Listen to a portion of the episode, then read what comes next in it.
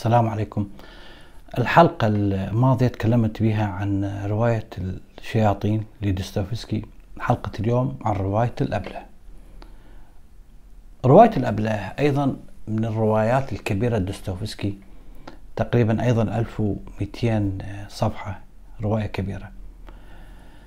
الأسباب اللي دفعت دوستويفسكي إلى كتابة رواية الأبلة هو آه وجود أو مشاهدته للوحة اسمها المسيح في لحده أو المسيح في اللحد للرسام الألماني هانس هولباين. وراح نشوف دوستويفسكي يضع إسقاطات كثيرة من حياته على هاي الرواية. مثلا نعرف دوستويفسكي انحكم بالإعدام. راح نشوف إنه بطل الرواية الأبله يتحدث عن تقريبا ثلاث حالات إعدام. وكأنه ينطق بلسان حال دوستويفسكي أو كأنه دوستويفسكي يعني يبوح ما بداخله على لسان الأمير مشكين بطل الرواية. هاي وحدة. اثنين دوستويفسكي كان مصاب بالصرع وراح نشوف أيضا الأمير مشكين بطل الرواية أيضا مصاب بالصرع. و البداية نبدي مع اللوحة. هاي دوستويفسكي كان في رحلة هو وزوجته الثانية أنا غريغوريفنا إلى أوروبا وصلوا إلى جنيف. فبالطريق إلى جنيف مدينة بازل بقوا يوم واحد من أجل أن يشاهد لوحة اللي سمع بها دوستويفسكي من أحد الأشخاص. للرسام هانز هولباين اللي هي المسيح في اللحد. فتقول زوجته أنا غريغورنا بمذكراتها بالطريق الجنيف توقفنا يوم واحد ببازل حتى نشوف اللوحة اللي سمع بها دوستويفسكي من أحدهم. هاي اللوحة اللي تتحدث عن السيد المسيح واللي تشوفوها لربما إذا استطعت أن أضعها بجانبي تشوفون اللوحة للرسام هانز هولباين. شوفون إنه السيد المسيح يقاسي عذابات وتفوق طاقة البشر بعد أن تم إنزاله من الصليب. وقد يعني هذا الكلام لأنا غريغورينا. بعد أن عانى من عذابات عظيمة وتعرض للتحلل وللعفن. العفن بمعناه البيولوجي. فهاي اللوحة ومثل ما تشوفون يعني إذا تشاهدوها جراحات على جميع جسمه منتفخ أيضا مغطى بالجراحات وبشكل مفزع حتى وجه السيد المسيح. يعني على العكس من بقية الرسامين بأكملهم اللي كانوا يرسمون السيد المسيح وهو نازل من الصليب وجهه متفح ومنور وكأنه شيء لم يكن. لا هاي اللوحة الوحيدة اللي بها الرسام ينقل لك يعني وضعية السيد المسيح وكأنه إنسان عادي جدا ميت. هاي لوحة تركت تتكلم أنا تقول هاي لوحة تركت انطباع كبير على زوجي فقد يعني بقى متوقف أمامها مثل المسعوق دوستويفسكي تقول تركته وذهبت ورجعت له بعد 15 إلى 20 دقيقة فوجدته واقف أمام اللوحة وكأنه مربوط بهذه اللوحة. وبدت على وجهه المهتاج نفس الملامح المفزعة اللي كنت أراها باللحظات اللي تسبق حالات الصرع اللي كانت تداهم دوستويفسكي فتقول أسرعت بإمساكه من تحت ذراعه وأخذته إلى غرفة مجاورة أجلسته وبقيت بانتظار نوبة الصرع متى تأتي إلى دوستويفسكي والحمد لله أنها لم تأتي. هاي اللوحة الهانز هولباين الرسام الألماني مثل ما تشوفوها الجسد ممدد بالكامل العيون مفتوحة بصورة رهيبة تقريبا يعني لا يمكن مشاهدتهم وما تعبر ما يعبرن عن أي شيء. تشوف الشعر السيد المسيح أشعث تشوف مثلا الفم مفتوح تشوف مثلا على جميع جسمه ذراعه أفخاذه جراحات وآلام. على وجهه آثار تعذيب وكأنه مو وكأنه هو ميت موت لا رجعة فيه. لم يعد المسيح في آه، لوحة هانز هولباين اللي بالتراث المسيحي اللي ممكن أن يقوم بعد هاي الموتة بحسب هاي اللوحة. لم يعد إله يعني يكسو وجه جمال أخاذ بعد أن تم إنزاله من الصليب بل هو إنسان تعرض للموت. الموت وبس. يقول دوستويفسكي أن هذه اللوحة كفيلة بأن تفقد المرء إيمانه دفعة واحدة.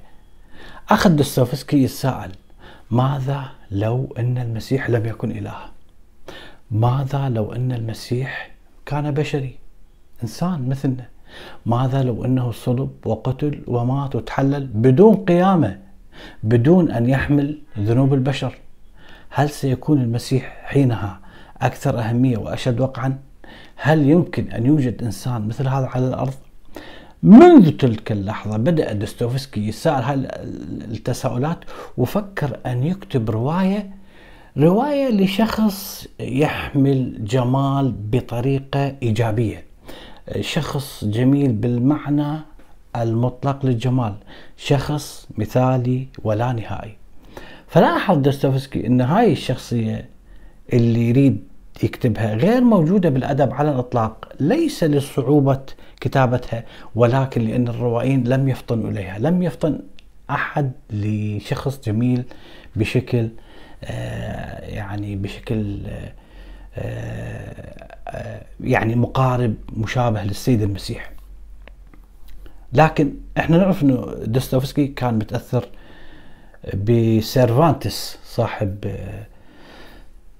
آه، دون كيشوت. فكان يكتب احد بيوميات كاتب تقريبا أو أحد الرسائل بعثها لأخوه يمكن ميخائيل يقول له بيها انه أقرب الشخصيات الأدبية لوصف الجمال الجمال الأب الإيجابي هي شخصية دون كيشوت. ولكن اللي يعيب هاي الشخصية شخصية دون كيشوت إنه لم يكن عنده وعي ولم يكن عند دون كيشوت إدراك لأفعاله. فلذلك تجده هذا الشخص يعني سخرية للناس يحارب طواحين الهواء آه، بنفس الوقت يسخرون منه ويتعاطفون معه. دوستويفسكي على اعتباره من أعظم الفلاسفة الوجوديين كان يريد أن يرسم شخصية واعية بما تصنع. شخصية واعية بكل عبء الاختيارات اللي موجودة أمامها. دوستويفسكي كان يعتبر إنه مثل ما قلنا كتاب آه، سيرفانتس اللي هو دون كيشوت أروع آه، كتاب آه، عن الفكر الإنساني على الإطلاق. فاستلهم شخصية هذا النبيل دون كيشوت في اثنين من أعماله. مثل ما تكلمت بالحلقة السابقة شخصية ستيفان بالشياطين وشخصية الأبلة الأمير مشكين في رواية الأبلة. وكلنا نعرف أن ستيفان كان مفكر بدون أي فكر مثالي فقط. بينما راح نشوف أنه الأبله مفكر لكن بدون أي تجربة. إذا بهالحالة شخصية الأمير مشكين نستطيع أن نقول عنها هي مزيج بين دون كيشوت والسيد المسيح ممزوجات في رواية واحدة على اعتبارهن أكثر الشخصيات طيبة في تاريخ الرواية. حتى بنفس رواية الأبله آه، دوستويفسكي يتطرق لها مرتين للوحة لوحة هانز هولباين آه، المسيح في لحده أو المسيح في اللحد. فمرة من المرات آه، الأمير مشكين يذهب إلى أحد أصدقائه أو صديقه الأثير اللي هو روجين إلى بيت بيت بائس فيشاهد على أحد الحجرات لوحة اللي هي لوحة المسيح في لحدة. وينظر هو والروجين صاحبه يتفقون اثنيناتهم انه آه، هاي اللوحة قد تجعل بعض الناس يفقدون إيمانهم. وأيضا آه، هناك في الرواية صبي اسمه هيبوليت مصاب بالسل يستذكر هاي الرواية أيضا ويقول أنه هاي يعني تعبر على نحو لا واعي لا شعوري لأي شخص يطالعها عن قوة خارجية شديدة الظلامية. هاي القوة وقحة وصماء يخضع لها كل شيء. من هنا ولدت شخصية الأمير مشكين في رواية الأبلة الحقيقة يعني إذا أريد نتكلم عن رواية الأبلة اللي هي 1200 صفحة واللي هي يعني أنا شخصيا أعتبرها أعظم رواية بعد الأخوة كرامازوف والجريمة والعقاب. مو بس أنا يعني جميع من تكلم عن دوستويفسكي. يعني الأمير مشكين آه، كان مريض بمرض البله يتداوى بسويسرا رجع إلى موسكو بالقطار تعرف على شخص اسمه روغوجين. روغوجين يحب امرأة اسمها ناستاسيا في فيليبوفنا وهاي المرأة خارقة الجمال بشكل غير طبيعي. هذا ملخص يعني للرواية إذا نريد نحكيها. وهاي آه، المرأة سمعتها مش ولا بد يعني إذا نريد نقول. ومثل ما قلنا خارقة الجمال ومن كانت طفلة صغيرة أمها وأبوها توفوا ورباها شخص غني خير إنسان نبيل لكن من صار عمرها 16 سنة وأصبحت فاتنة الجمال. صرخت الأنا اللي بداخله و يعني آه ارتكب معها الفاحشة وأصبحت من ذاك الوقت هي عشيقته ولا زال رغوجين يحبها وراح يشوفها الأمير مشكين وينعجب بها أيضا ويحبها. وهو الأمير مشكين أصلا رايح إلى أقاربه لأن عنده ورث يريد يستلمه. وبعدين تحدث آه، وقائع مأساوية وتنتهي الرواية فقط. لكن مثل ما قلت بس الحلقة السابقة دوستوفسكي يعني إذا نريد نتكلم عن الأحداث هي رأس الجبل مثل أما بقية الجبل فمغطى كليته عن أعماق النفس البشرية يتحدث لك دوستوفسكي عن فلسفة وجودية بالكامل. الأمير مشكين كان دخوله الأول بهذا العالم بهاي الرواية عندما عاد من جنيف من سويسرا حتى آه، إلى وطنه حتى يعني لربما عند أقاربه آه، يعني يبدأ حياه أخرى لأنه سابقا كان يتصرف يعني أو كان عايش خارج الزمان لا يعي باي تصرفاته هذا العالم ما يفهم شيء من عنده ما يفهم ما يحدث ويتصرفه لكن الآن هو عنده نقص بالتجربة. فهاي النقص بالتجربة طيلة الأحداث راح توقع بمصايب وكوارث لأنه ببساطة يعني إذا نريد نعرف الأبلة الأبلة هو شخص ما يميز بين اللي يحبه من اللي يكرهه. ما يميز الأمير مشكين بين المنافس وبين العدو فيتخذهم جميعهم أصدقاء. فعلا هو هذا البلة إذا نريد نفسره ما يستطيع أن يفرق بين الشفقة وبين الحب فيرفع الشفقة إلى مستوى جدا عالي ويضع الحب في مستوى غير مستواه. نفسي تدستوفسكي كان يرى إنه الأمير مشكين بهاي الرواية يعبر عن روحية روسية أو عن فكرة روسية تقول إن المرء اللي يحب يجب أن يضحي يجب أن يقفز عدة قفزات حتى أن يستطيع يعيش مرتاح. لا يوجد حب بدون معاناة. وبعد كل الأحداث اللي بالرواية اللي تعرض لها الأمير من قبل آه، جميع الناس اللي تسيء له واللي يجعلوه ينتهي نهاية جدا آه، مأساوية. يصرخ الأمير مسكين ويجد نفسه بنهاية المطاف حاصر المجتمع حصار خانق حصار مرير فيقول عبارة جدرع يقول لماذا تخلق الطبيعة؟ وناس طيبين لتسخر منهم بعد ذلك. أنا لم أسد أحدا. لقد أردت أن أحيا لسعادة الناس جميعا. أردت أن أحيا لاكتشاف الحقيقة ونشرها. فماذا كانت النتيجة؟ لا شيء. كانت النتيجة أنكم تحتقرونني. هذا دليل على أنني غبي أحمق على أنني امرؤ لا خير فيه ولا فائدة على أنني قد آن لي الأوان أن أزول. وحين أزول فلن أخلف ورائي ذكرى. لن أترك صدى لن أترك أثرا لن أترك عملا لم أنشر رأيا لم أذع قناعة. لا تضحكوا من غبي أحمق. انسوه انسوا كل شيء. أرجوكم أن تنسوا. لا تكونوا قساة هاي العبارة الرائعة اللي تعبر عن لسان حال الأمير مشكين بعد كل المآسي اللي تعرض لها من الناس. حتى في احدى المرات يعني بعد أن الناس يعني هي الناس ما تصدق إنه شخص بزله بسيطة حتى تسويه هزء. فكيف بشخص يعني أبله أو أو شخص يعني ما يستطيع يميز اللي يحبها من اللي يكرهها فيتكلم مع أحد الأشخاص يقول له يا جبريل ارداليتش انني فعلا يعني كنت أبله كنت أتداوى لكنني شفيت منذ فترة طويلة وإنه لا يؤلمني أن أسمع من أحد يصفني يصفني بأنني أبله. الأبله هو الأمير نفسيته اللي يحاول إرضاء الجميع رغم عدم اكتراثهم به، يحاول أن يسعدهم يسعد الجميع على حساب مصلحته. بريء ووحيد دخل إلى عالمهم غيرهم.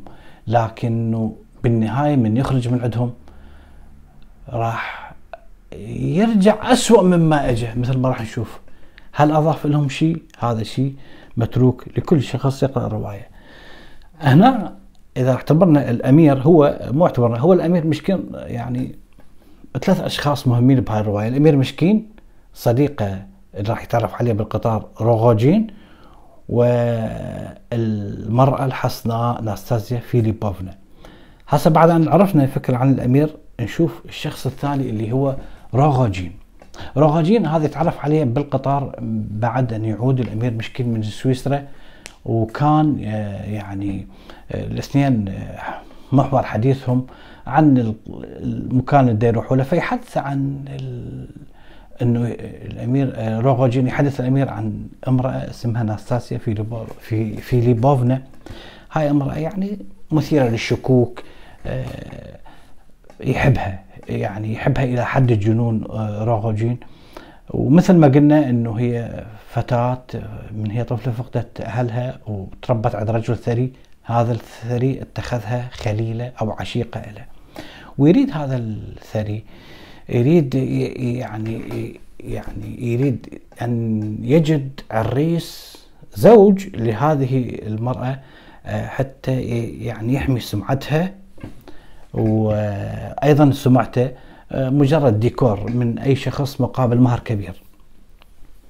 روغوجين على النقيض من شخصية الأمير هذا الشاب الأسمر كان عاشق مثل ما قلنا متين بناستازيا فيليبوفنا يحمل طاقة تدميرية جدا فما يستطيع أن يكبح مشاعره مشاعره آه، ونزواته يعني فمن النوع المتطرف متطرف بالحب بشكل جدا كبير على استعداد أن يقتل ملايين من أجل إذا طلب أو طلبت منه نستاسيا ذلك.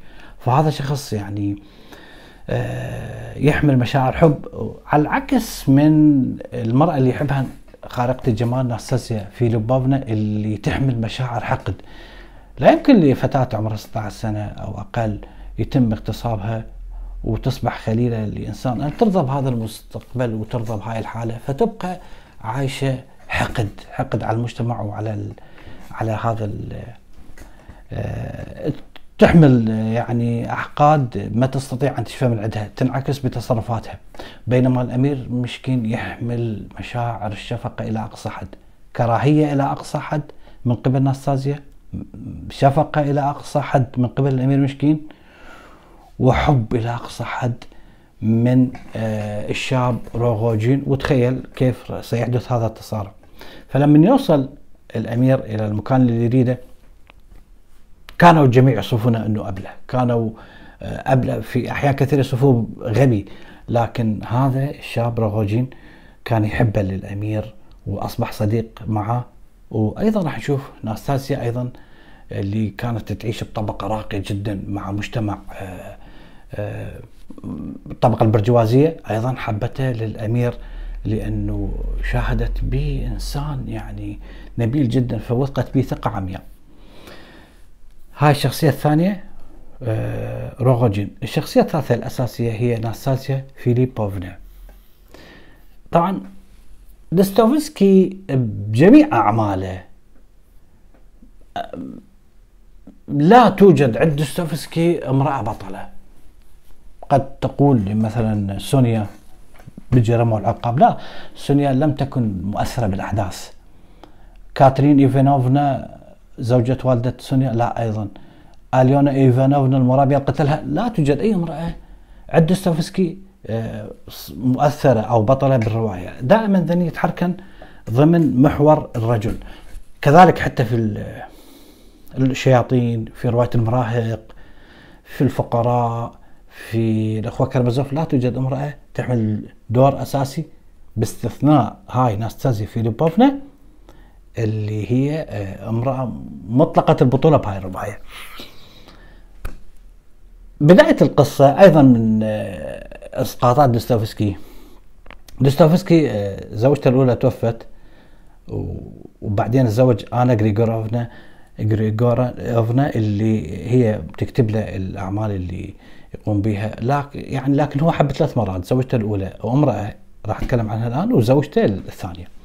الفتاة اللي حبها اسمها أبولينا كانت تبعث له رسائل هاي آه، امرأة جدا جميلة متقلبة الأهواء اسمها أبولينا عبرت له عن إعجابها وعن حب حبها لما يكتب دوستويفسكي عبر الرسائل بعدين تطورت العلاقة سافر دوستويفسكي إلها التقى بها جدا انعجب بها وبجمالها وكذا. عرض عليها الزواج لكن هي رفضت دوستويفسكي من قبل تتزوج به فدوستويفسكي آه، آه، بالتالي آه، وظف هاي الشخصية بهاي الرواية بالضبط هي مثل شخصيتها تقريبا. يعني فد شيء محير جدا يعني يعني هاي المرأة أبولينا و اللي رفضت دوستويفسكي وسالومي اللي رفضت نيتشه يعني ما أعرف أي ربي عبدا يعني إذا دوستويفسكي رفض كذلك نيتشه من هو هذا؟ هاي أبولينا رفضت دوستويفسكي من أجل شاب إسباني.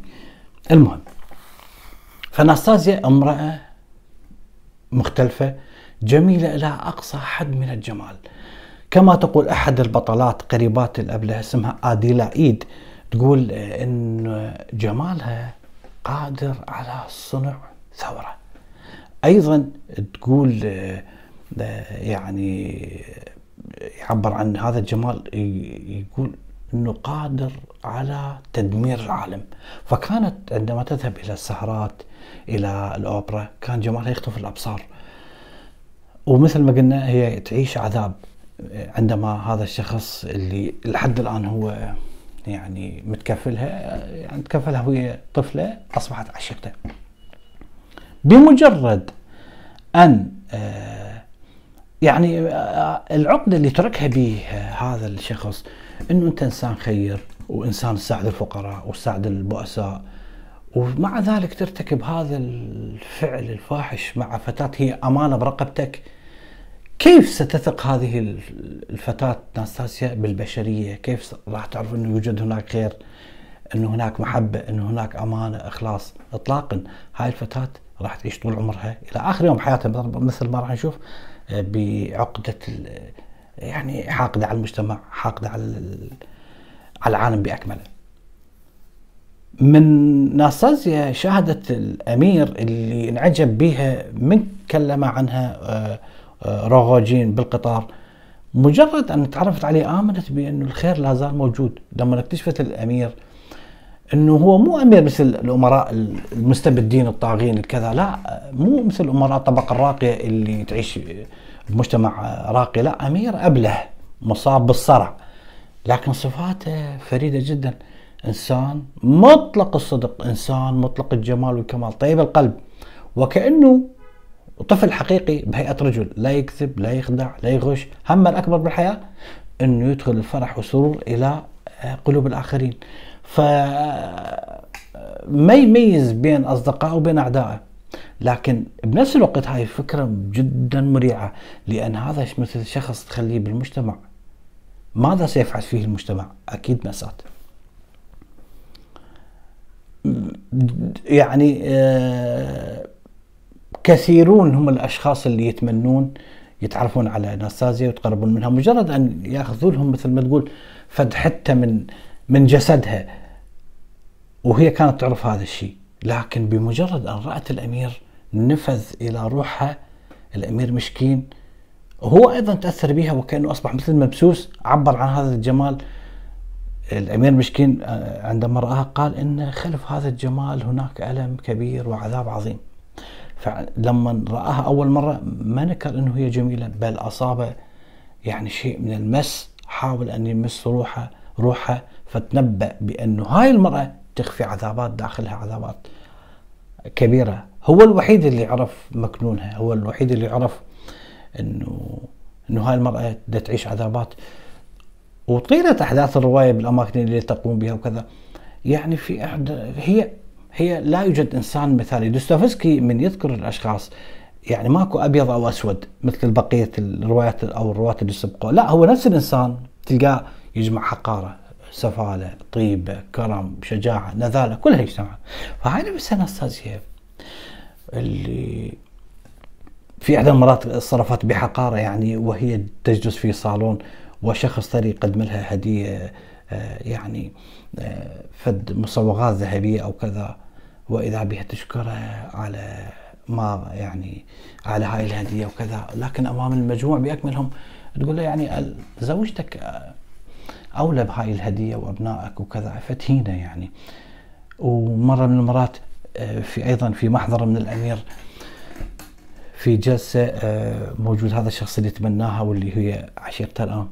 فتتحدث تقول إنه جميع الناس يتهمونني بأن أني محظية هذا الرجل وبأنه آه، يعني أنا مارست الجنس معه وكذا. فتتكلم بكلام طويل جدا بحيث أي إنسان يقرأها يعني يسمع هذا. حتى أنا من قرأت الرواية أول مرة اعتقدت إنه فعلا هي صادقة بقولها. وفعلا اللي جالسين أيضا صدقوا.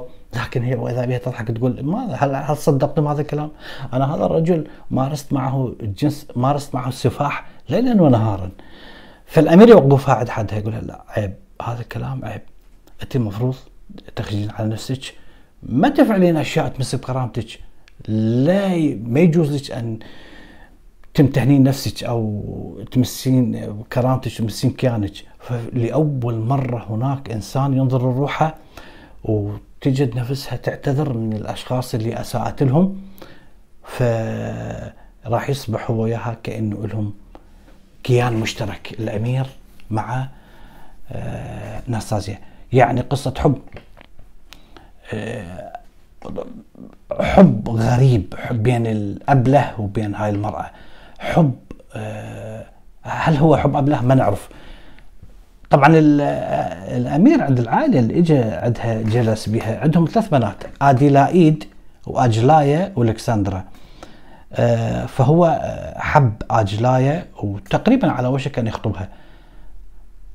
وبنفس الوقت حب آه، ناستازيا فكتب آه، يعني لكن ما نعرف هل الحب هذا عن شفقة اللي كان يحب بها ناستازيا أم هل هو حب حقيقي؟ حب جنون حب غضب حب خوف غيرة لا أحد يعرف. كل هاي الأنواع طبعا موجودة تتنازعها داخل نفسيته. لكن دوستويفسكي يطلق على نفس ال ال ال الأمير مشكين ويسميه المسيح الروسي لأنه آه، تظهر على قسمات وجهه على تعابيره على أحاديث التقوى والصلاح. كأنه يقول لكل المتخاصمين والمتصارعين ولجميع الناس أعرف ما عانيتم قاسيتم عذاب عظيم تستحقون فرصة ثانية. فهو وحده اللي يمتلك هذا الأمير زمام المبادرة حتى أنه يكون قادر على تلقي الصفعات من أجل آه، إدخال السعادة إلى أرواح هائمة وكأنها في الجحيم. طيب إحنا نعرف دوستويفسكي مصاب بالصرع. دوستويفسكي طول عمره عانى من مرض الصرع وذاق مرارته. حتى إنه بعض النوبات كادت أن تجعل دوستويفسكي آه، مصاب بالشلل التام. وحتى إنه أحد أبنائه من زوجته الثانية آنا جريغورفنا مات بسبب الصرع اللي ورثه عن أبوه. دوستويفسكي بهاي الرواية يتحدث عن الصرع برواية الأبلة على شخصية الأمير مشكين المصاب بالصرع. ففي أحد المرات نقرأ وكأنه إحنا يعني حالنا حال الأمير ما نعرف ما هي الوضعية. وإذا بنا نقرأ أنه الأمير يطوف بالمدينة بدون هدف أو غاية وحين يصل التوتر به والقلق إلى أقصاه حين ما يعرف أين هو لا يوجد إلا ضياء ساطع يتكسر على جدار الظلمات اللي تكسو روح الأمير ونفس الأمير. وسط هذا الحزن والقلق تستعر جميع القوى بداخل هذا الأمير الحيوية فيصل إلى طمأنينة زاخرة بوعي العلة المثلى لكل العلل لكل الغايات. فيحدث عنده وعي أعلى وإشراقات هائلة للحياة، حياة عليا، جمال متصل بالصلاة لا نهائية. هذا الشعور اللي يتملك الأمير هذا اللي يستمر لمده دقيقة تفصل هاي الدقيقة بينها وبين دقيقة أخرى فالمصاب بالصرع بعد هاي الدقيقة الأولية من الإشراقات والوعي وكذا تأتي أنات رهيبة تصدر من الجسد أنات غير إنسانية بل حيوانية بل وكأنه هناك كائن مختبئ داخل جسد هذا الإنسان.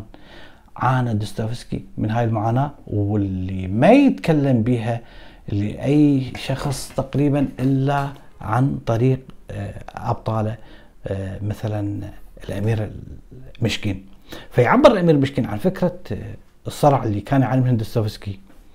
فيقول إنه دقيقة هناك يعني تحدث الأمير يقول إنه هناك دقيقة واحدة ينقطع بها الزمان والمكان.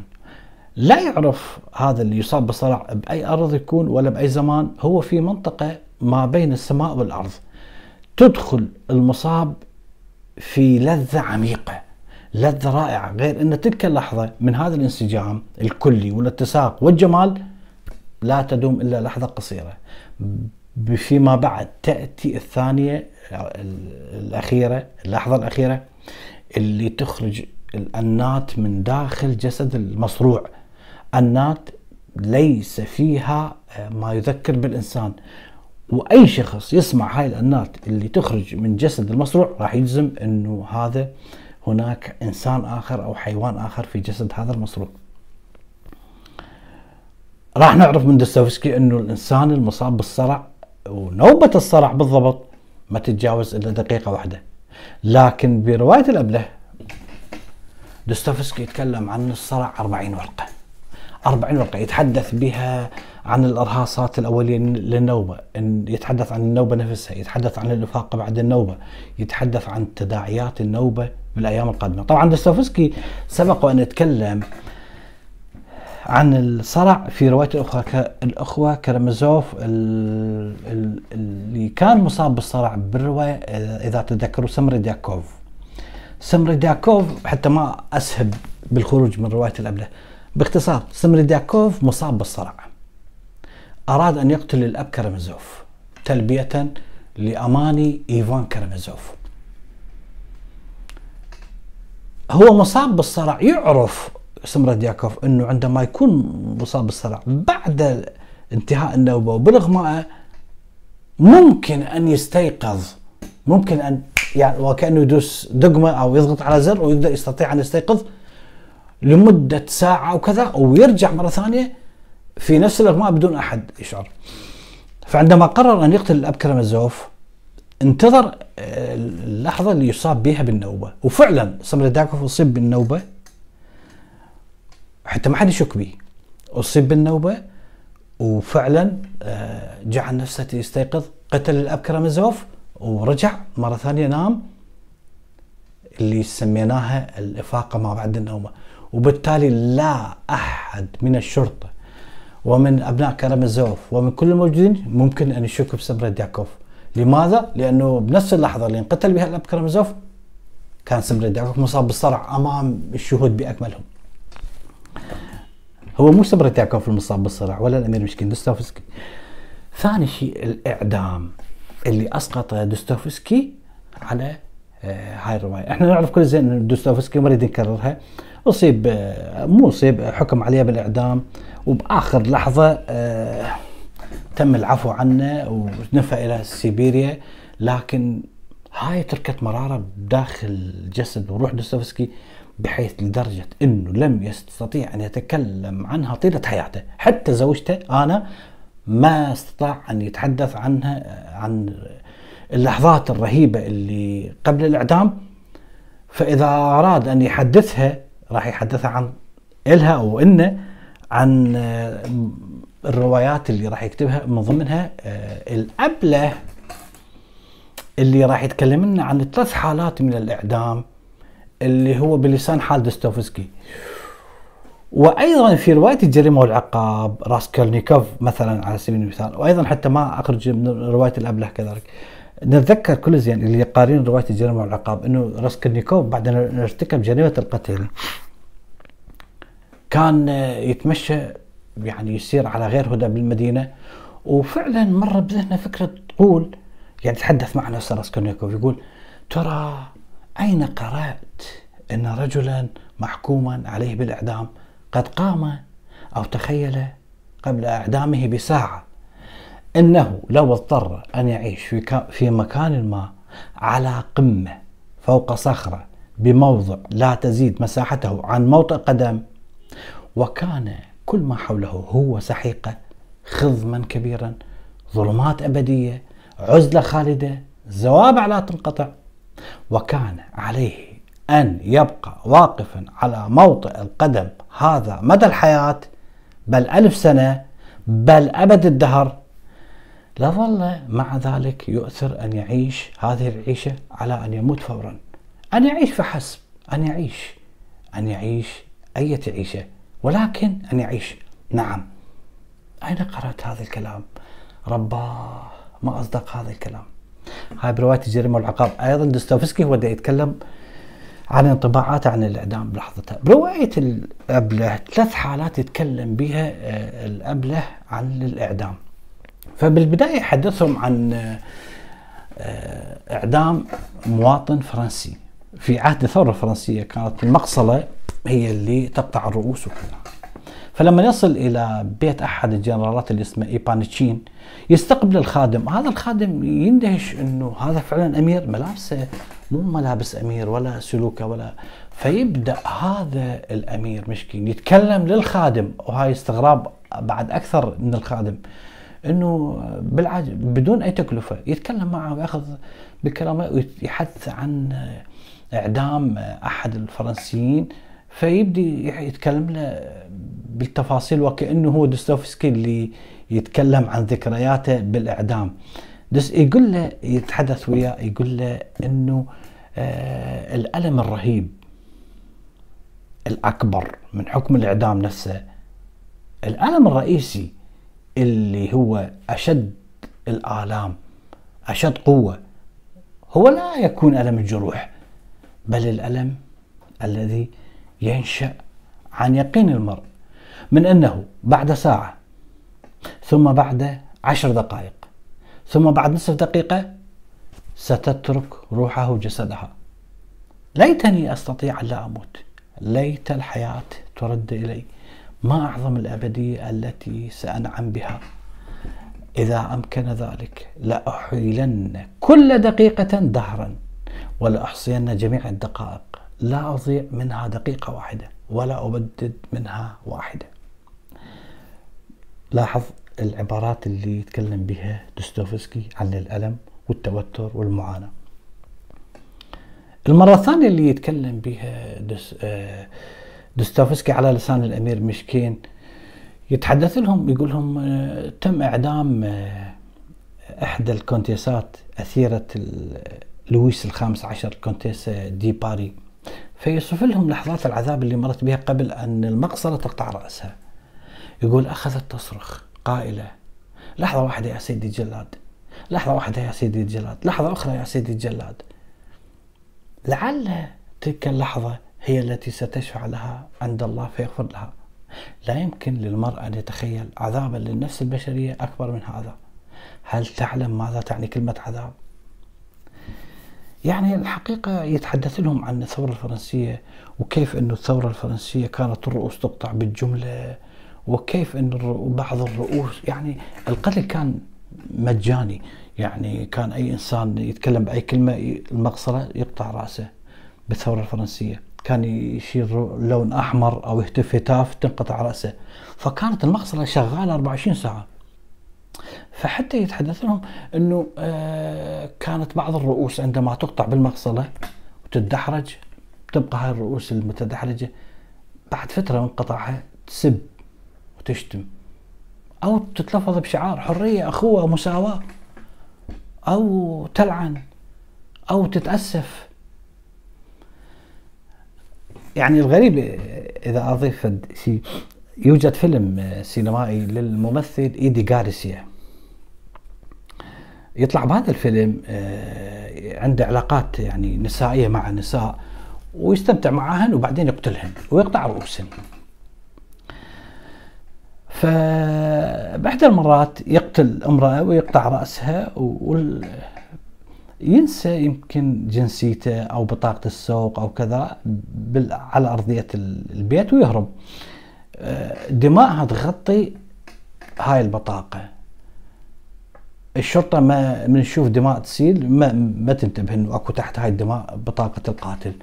لكن هو يبقى يحوم حول البيت. أو توجد شركة تنظف لك الدماء اللي موجودة لأن هاي الدماء بصعوبة تنشال. الدماء الموجودة في البيوت اللي تحدث فيها جرائم قتل أو كذا.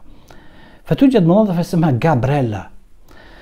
جابريلا تنظف هاي الدماء فتعثر على هاي البطاقة وإذا بها القاتل فوق يعني فوق رأسها فيلزمها يكتفها ويريد يقتلها يحمل الساطور. فتحدث تسأل سؤال تقول لها بس إذا سؤال هاي الرؤوس اللي كنت تقطعها هم كانت بعد أن تقطعها ينفصل الرأس عن الجسد. أيضا كانت تتلفظ هاي الرؤوس بكلمات بكلمات أو تشتم أو سب لا لا. ما لا يوجد شيء من هذا القبيل. رؤوس اقطعها فقط. وبلحظة ما يعني يسقط من ايده كذا وتضربه الأحداث تنقلب عليه راسا على عقب فتضربه بالساطور وتقطع رأسه. تقطع رأس إيدي جارسيا الفيلم ما أعرف اسمه. وبآخر لقطة بالفيلم في آخر ثواني بالفيلم تحمل رأسه إلى فوق. طبعا ما يطلع بالكاميرا رأسه فقط إيدينها مرفوعة وهي حاملة رأسه. تحمل رأسه إلى فوق ونسمع كلمة وكأنه يعني نابعة من أعماق سحيقة جابريلا. يتلفظ الاسم. اي نرجع لرواية الأبلة. آخر شيء أيضا آه، عندما يدخل إلى عائلة أقاربه واللي بها ثلاث أميرات آديلايد وأجلايا والكسندرا آه، يبدون يسخرون من عنده ويبدون يعتبروه أبلة لأنه البلاهة ظاهرة على وجهه يعني الغباء أيضا ظاهر على وجهه على سيماء على محياه. فيبدي يتحدث لهم يقول لهم انه قابلت رجل خارج روسيا وحدثني عن تفاصيل خطيرة عن الإعدام وعن كذا. فيبدأ يتحدث لهم عن قصة هذا الرجل والدقائق الفاصلة بين الحياة وبين الموت وكيف أنه يعني آه، الإرهاصات الأولية قبل أن يفارق الحياة بحيث إلى درجة مت مايكو نفسهم والكل العائلة بدأت تبكي على هاي القصة. كيف شخص مريض آه، أبله ليس لديه أي تجربة يتكلم هذا الكلام المؤثر جدا وكذا. فهذا شيء يعني بحيث إنه يتعجبون إنه هذا الرجل اللي ما تحدث مع اي إنسان قط كيف يملك هاي آه، المعلومات وكيف إنه يستطيع أن يبهر المقابل بكلماته. المهم من ضمن الأمور اللي يتكلمها للآخرين آه، الأمير مشكين يحدثهم عن فتاة اسمها ماريا. هاي ماريا فتاة مصابة بالسل والأطفال يرموها بالحجر. هاي الفتاة مصابة مثل ما قلنا كانوا جميع الأطفال يقذفوها ويسيئوا لها عندما تفوت بالشارع. مكروهة منبوذة من قبل كل سكان القرية اللي كان بها آه، يتعالج آه، الأمير مشكين كانت ملعونة حتى من قبل الكنيسة ومن قبل رجال الدين. هي كانت سبب رئيسي بموت أمها العجوز. الأمير بدل من ذلك يحاول يساعد هاي الفتاة المريضة تعيسة ويحولها إلى كائن إنساني جدا جميل يجبر الأطفال ويوعيهم ويفهمهم أن يتمردون على الكنيسة اللي قالت أنه هاي امرأة ملعونة ويتمردون على أقوال آبائهم. ويجب أن يعاملون هاي الفتاة البائسة كإنسان. هل أنت تقبل أن يقذفك أحد بالحجارة؟ ففعلا يعني يقنعهم أنه آه، آه، يستبدلون الحجارة اللي يضربوها بها يستبدلوها بالزهور يستبدلوها بالحلوى. بكل الأحوال هي كانت ستموت تعيسة بالجبال بسبب مرضها بسبب مرضها القاتل. لكن الأطفال أصدقاء الأمير الأبلة يحولون حياتها إلى سعادة. حتى يسولف لهم يقول لهم أنه كانت هاي الفتاة تمسك يدي وتبقى تقبلها ساعات. وأنا ما أوخر إيدي. مو لأني أحب أن أتباهى أو فد شيء عظمة لا. هي كانت تستلذ بتقبيل يدي. لأن أنا حولتها إلى إنسانة. كان هذا الشيء يريحها. فتبقى تشعر بلذة وهي تقبل يدي. ماتت هاي الفتاة حصلت على الغفران من الأطفال اللي كانوا يدافعون على نافذتها نافذتها مثل العصافير كانوا يأتون إلها ويحملوا لها الورود يصيحون نحبك يا ماريا نحبك يا ماريا. من ضمن القصص اللطيفة جدا. مقالات بأكملها توجد بهاي الرواية من ضمنها مقال أحد الفلاسفة نسيت اسمه البطل يسرد قصة كاملة يقرأ هذا المقال بأكمله وتكون نقاشات عليه رواية جدا طويلة ورائعة وفلسفية وإلى آخره. النهاية بالنهاية ناستازيا اللي يعني هل كانت مومس أو شيء من هذا القبيل؟ راح تدفع ثمن بعض الأمير مشكين ابدا ما يغضب من إنه تاريخ هاي المرأة. كان يعني مش ولا بد أو كذا وهاي بالعكس فهو يتقدم لها ويطلب الزواج من عندها مبدي استعداده إنه يصبح لها زوج. هل بدافع الشفقة أم بدافع الحب؟ المهم هو يطلب الزواج من عندها لكن هي ترفض. ترفض الزواج من عنده. طبعا حتى الشفقة هو شعور ما يستنكره مشكين وكذلك دوستويفسكي يعني ما يستنكره أحد الشخصيات يقول الشفقة هي القانون الوحيد الأساسي بالوجود الإنساني بأكمله. لكن هي ترفض ناستازيا الزواج من الأمير مشكين بدافع الشفقة. صحيح هي كانت تعتبره المشكين كائن راقي إنسان أخرجها من وحدتها لكن ما تقبل إنه تحل عليها الشفقة. آه لهذا السبب راح يتدخل آه، روغوجين اللي تكلمنا عنه ويحمل مبلغ من المال كبير يعرضه على ناستازيا مقابل أن تقترن به ومثل ما قلنا إنه الأمير مشكين كان يعني في علاقة حب مع اجلايا تزداد حدة التعاطف بين الأمير مشكين وبين رغوجين لأن اثنينهم عندهم عاطفة مشتركة تجاه ناستازيا لكن هذا التعاطف بسبب أحداث كثيرة يحاول رغوجين إنه يقتل الأمير مشكين لكن أحداث تدور بحيث تبعد عن قتل هذا الأمير. بالنتيجة يعاود الأمير مرة ثانية يطلب من ناستاسيا فيليبوفنا أن يحاول أن ينقذ روحه. فتوافق هي على الارتباط مؤخرا بالأمير مشكين لكن بلحظة ما تفر مع رغوجين تفر مع رغوجين واليوم الثاني يقتلها رغوجين وتنتهي هاي الرواية بمأساة ناستازيا تقتل. رغوجين يحاكم وينفى إلى سيبيريا أما الأمير فيصاب بالبله نتيجة نوبة صرع حادة متأثرا بموت ناستازيا فيغرق في جنون مطبق ويرحل كما جاء إلى المدينة أبله أكثر من الأول لا يتكلم ولا يعي أي شيء. عبارة جدا رائعة للأبله مسكين يقول فيها الجمال سينقذ العالم ويحرره هاي العبارة ذكرتني بقول نيتشه اللي يقول أطمح أن أقول في عشر جمل ما يقوله آخرون في كتاب. لو تصورون المقالات بل والكتب اللي كتبت عن هاي العبارة وحدها الجمال سينقذ العالم ويحرره. نتشا قالها بكلام آه تلقائي لكن دوستويفسكي طبقها على أرض الواقع واللي هنا تنتهي هاي الحلقة وشكرا.